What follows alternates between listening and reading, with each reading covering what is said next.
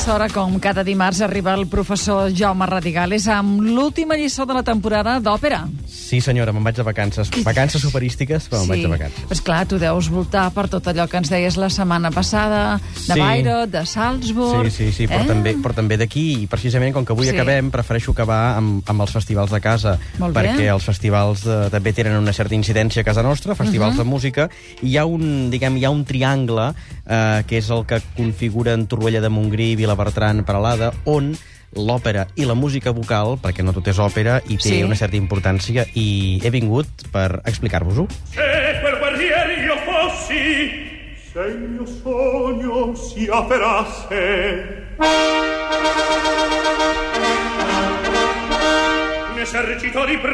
Coneixem aquesta veu? Trompeteria de la Fina, sí senyora. Trompeteria de la fina. El senyor Plácido Domingo, que per cert, fins, Sí. sí. res, fins tres Aquests dies, dies, fins sí. dissabte, hem tingut a Barcelona fent el Tamerlano de Händel. Se l'ha mentida perquè aquest senyor té 70 anys Sí. i encara fa de tot.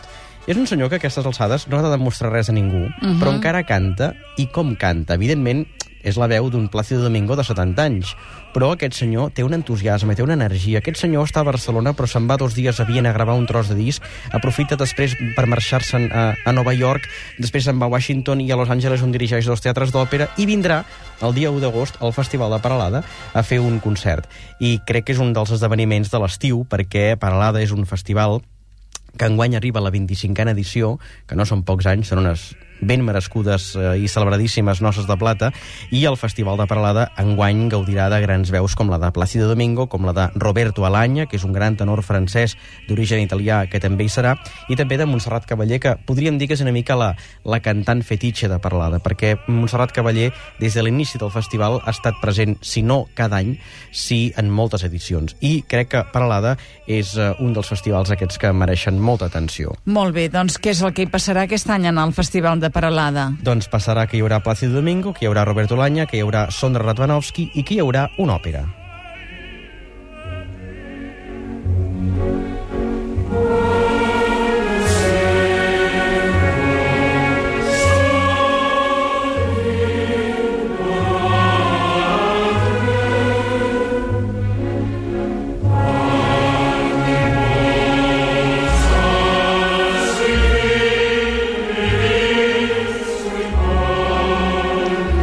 L'hem sentida tantes vegades, però cada vegada que la tornem a escoltar ens fa la mateixa il·lusió, no? El cor s'omple Sí. com s'obre. Sí, perquè Nabucco de Verdi és una òpera que és molt més que aquest, que aquest cor, però aquest cor, sempre que el sents, un té la sensació que està prenent contacte amb un llegat de la Mhm. humanitat, perquè això ens pertany a tots. Deixant de banda que és un himne ja és un himne revolucionari, posem, podem dir.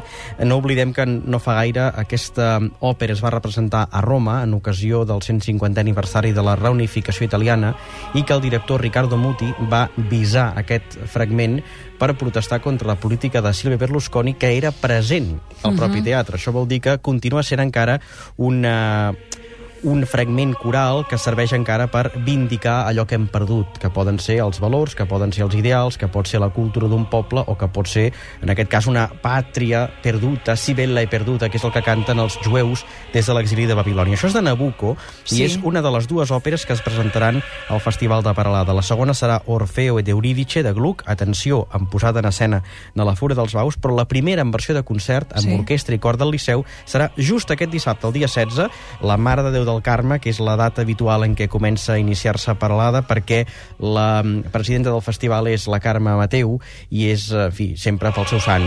I, home, mm, també val la pena dir que és el pòrtic oficial d'aquest 25è Mhm. aniversari i que a Catalunya Música hi serà, de manera que dissabte, minuts abans de les 10, eh, qui vulgui pot connectar en directe amb Catalunya Música per sentir Ah, molt bé. el Nabucco de a Verdi. veure, a veure, això ho hem de dir, eh? Minuts abans de les 10 de la Exacte, nit, sí. a Catalunya Música. Música i eh, en directe Nabucco. aquesta. Nabucco. De Verdi. Oh, que fantàstic, no? Fantàstic. I si vols, de Paralada, anem a Torroella.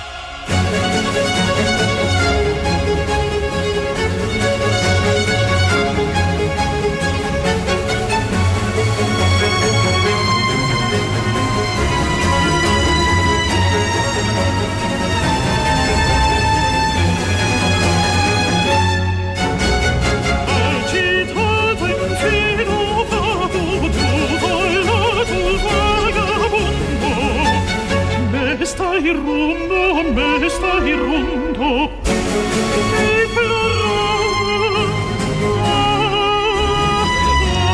De qui és aquesta veu? Aquesta veu és d'una contral que es diu Natalie Stutzman, que, atenció, no només canta, sinó que també dirigeix una formació orquestral. Aquesta senyora és una gran artista, una gran música, que dirigeix un conjunt que es diu Orfeo 55, Orfeo 55, i ella, amb aquesta orquestra, estarà present al Festival de Torroella de Montgrí. És una contral extraordinària alemanya que aposta per la música barroca, per la música també antiga, i ho farà en el marc d'aquest eh, Festival de Torroella de Montgrí, que també porta unes quantes edicions. El Festival de Torroella acostuma a celebrar-se gairebé sempre a l'església de Sant Genís, una església que, a més a més, està habilitada pels concerts perquè hi ha una pantalla acústica per evitar la reverberació. A diferència d'altres festivals com el de Paralada, que gairebé sempre es fa a l'aire lliure, uh -huh. el de Torroella acostuma a buscar espais tancats. Tot i que també hi haurà... Moltes coses es fan a l'església de Torroella, Sí, eh? sí, perquè és una església... Mm, fa bastanta calor, tot s'ha de dir, però és una església... Home, la, jo hi vaig eh, sovint, eh? Diríem sí. que en els festivals de música de, de l'estiu i la condicionen prou bé i a la nit Sí. fa una certa... no tanta calor ja, eh? Cap no, a les 10. A més, és una església bonica, Sí. la població també és molt bonica, és una població important, frontera entre l'Alt i el Baix Empordà, i, home, és un dels... Festival de Torroella és un, també un dels grans festivals d'aquests amb una tradició, també podríem afegir, si vols, el de, el de Cadaqués, el de la Porta Ferrada, però com que aquí Mhm. parlem específicament d'òpera i de música vocal, doncs aquí la música vocal hi té una, una presència. Atenció, perquè hi haurà també, en aquest mateix festival enguany, dues altres figures del cant, que jo recomano molt que la gent hi vagi. La Magdalena Kogenà, que és una mezzosoprano Sí. eh, eslovaca extraordinària, i també un contratenor com Filip Jaruski, eh, contratenor francès, que l'any que ve tindrem també al Liceu. Ho dic perquè Torroella de Montgrí és un festival on especialment es vetlla per la música, mm, especialment música barroca i música clàssica, o sigui, del segle XVIII.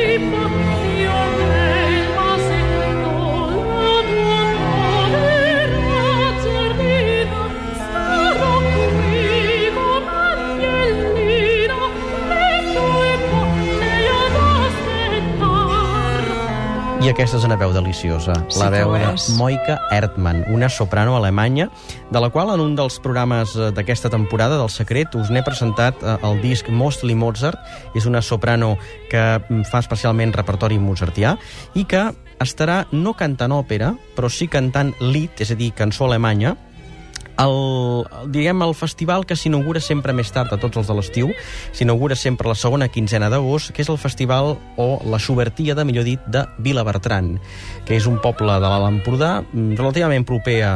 no, relativament no, molt proper a Peralada, i a l'església, el monestir romànic, que és un monestir preciós. També hi he anat, eh? També, tu a lo bo, eh, punyetera?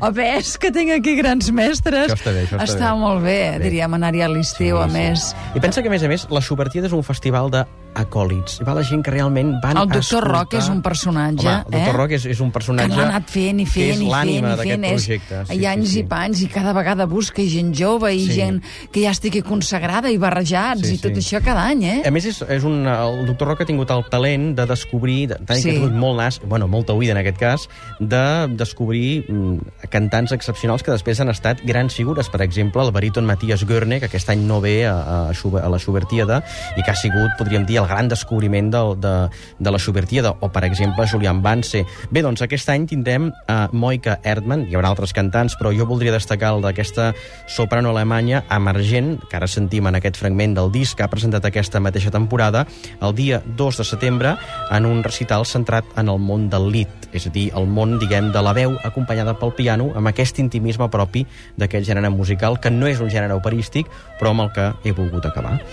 Doncs acabarem amb aquesta música deliciosa i amb el, vaja, amb la satisfacció de tot aquest any que ens has portat aquests petits secrets de l'òpera que ens han permès tenir un espai d'aquells que toques al cel amb la punta dels dits. M'ha fet molt a gust. Gràcies a tu i a aquest equip meravellós que, Que, que tenim, t'envolta. sí, gràcies, Jaume. Gràcies a tu. Bon estiu. Igualment, gràcies.